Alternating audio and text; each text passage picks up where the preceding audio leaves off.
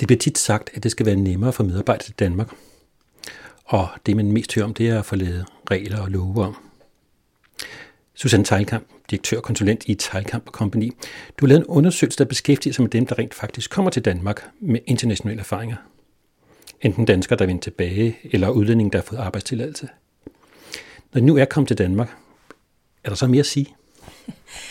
Ja, der er faktisk en hel del at sige, fordi nogen oplever, at det er rigtig, rigtig bøvlet at komme hertil. Det er faktisk en del. Der er også nogen, der oplever det så frustrerende. Det er faktisk hjemvendte danskere, der har de største problemer. En tredjedel af dem oplever, at det er så bøvlet og svært at få job, så de rejser ud igen. Hvorfor kommer de ind tilbage? Der er mange grunde, men en af de øh, vigtigste årsager, det er i virkeligheden børnene. De vil godt have, at børnene får en øh, god dansk uddannelse. Og så er der mange af dem, der siger, jamen når så børnene er fløjet for redden, så er det godt være, at vi skal ud og prøve lykken ude i de internationale igen. Du siger, der er nogle problemer. Der er dels dem, der har svært ved simpelthen at komme ind og få fodfæste igen på jobmarkedet, når de kommer tilbage til Danmark. Og så er der dem, som rent faktisk er startet, som oplever, det er svært rigtigt at falde til i jobbet. Både i jobbet, men lige så meget alt det sociale til netværk. Det er faktisk rigtig svært for mange, både udlændinge, men altså også hjemvendte danskere. Hvad er det, der gør det svært, specielt for dem? Undersøgelsen viser egentlig, at øh, vi faktisk sådan generelt rimelig åbne på arbejdspladserne. Men lige så snart vi går ud fra arbejdspladsen og går ind af vores egen hoveddør, så omgås vi dem, vi plejer at omgås. Så vi er altså ikke særlig gode til at invitere folk, der kommer andre steder fra, med ind i vores netværk. Netværk, det er, som i virkeligheden etableres meget tidligt i livet, er mit indtryk. Så det vil både gælde udenlandske medarbejdere, hjemvendte danskere, og så også andre kolleger? Ja, det ligger uden for undersøgelsen her, men jeg har kunne i andre sammenhænge erfare, at folk, der flytter bare fra den ene landsdel til den anden, kan det faktisk være rigtig svært, fordi man mangler netværket, og det er ikke sådan lige. Og hvis ikke man selv er meget opsøgende og meget udadvendt, så kan det være rigtig svært. Du siger, at der er nogen, som øh, siger, at når så børnene er blevet store, så vil de ud igen. Mm. Men øh, bliver de ellers i Danmark? Der er igen forskel på, hvem der bliver i Danmark. Det viser undersøgelsen også, at hvis du er på medarbejderniveau, så er du mere tilbøjelig til at blive i Danmark, når du er kommet hertil. Er du på mellemlederniveau, så er det, jeg mener, det er cirka hver tredje, som stadigvæk gerne vil ud og har den her udlængsel.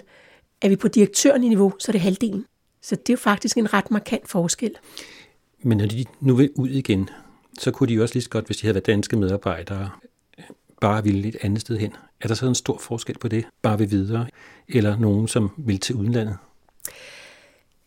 Det er mit erfaring og indtryk, både ud fra, når jeg tidligere har, har snakket med folk, der har været i udlandet, og så fra undersøgelsen, at man får altså noget særligt, man får noget luft under vingerne, men det at opleve andre kulturer, det er noget særligt, og det er det, mange savner, øh, det er det internationale.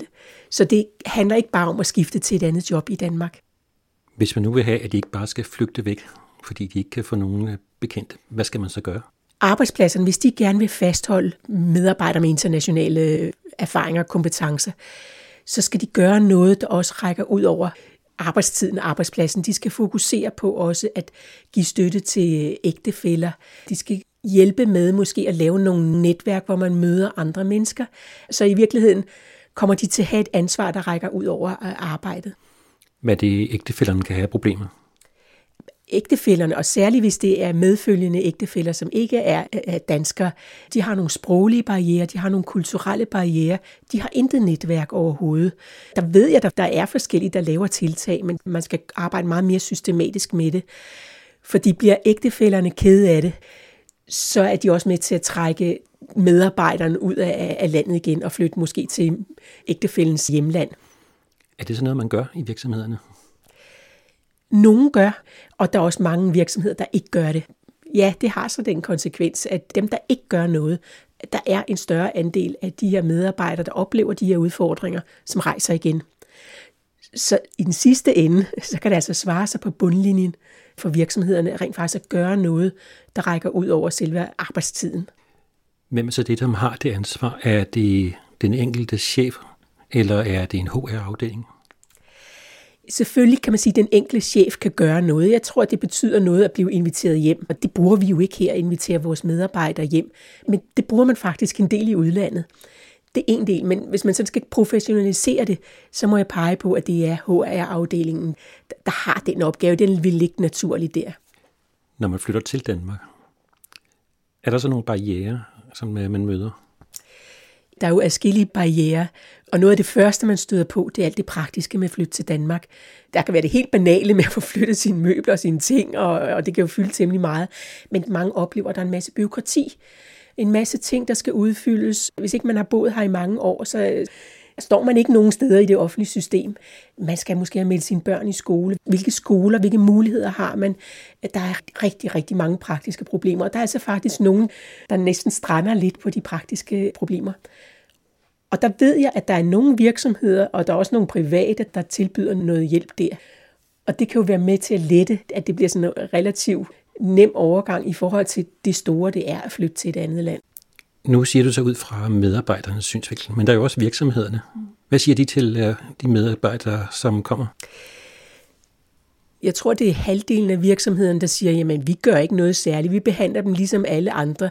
Og jeg ved ikke, om det er sådan et eller andet klassisk lighedsprincip her i Danmark, men de bør behandle dem anderledes, hvis de gerne vil fastholde dem.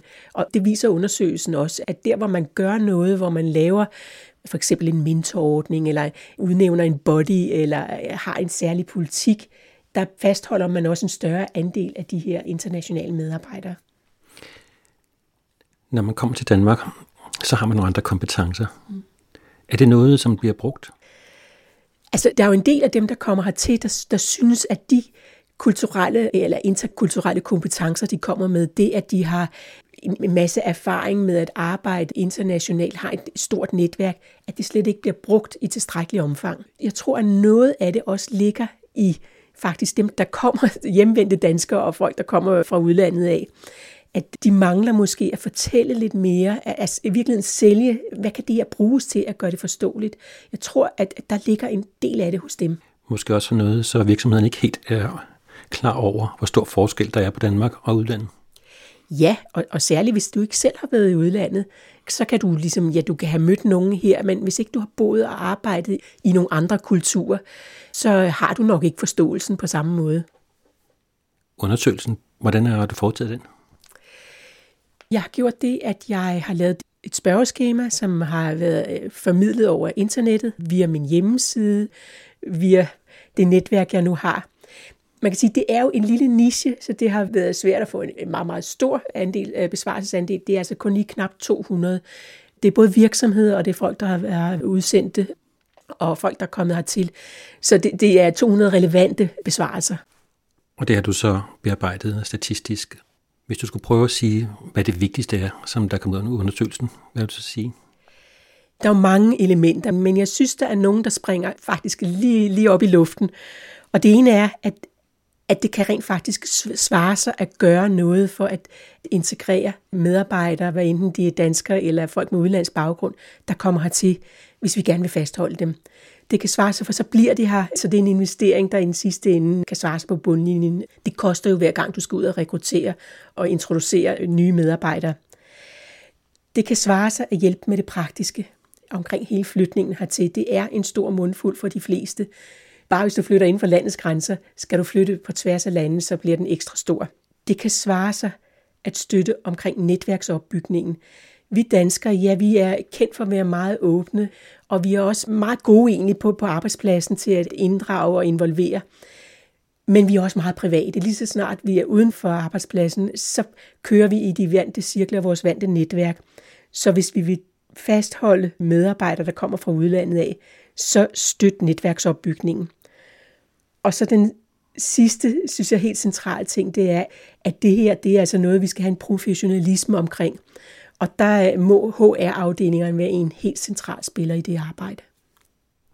Podcasten var produceret af Reciprok Kommunikation. Mit navn er Henrik Moral.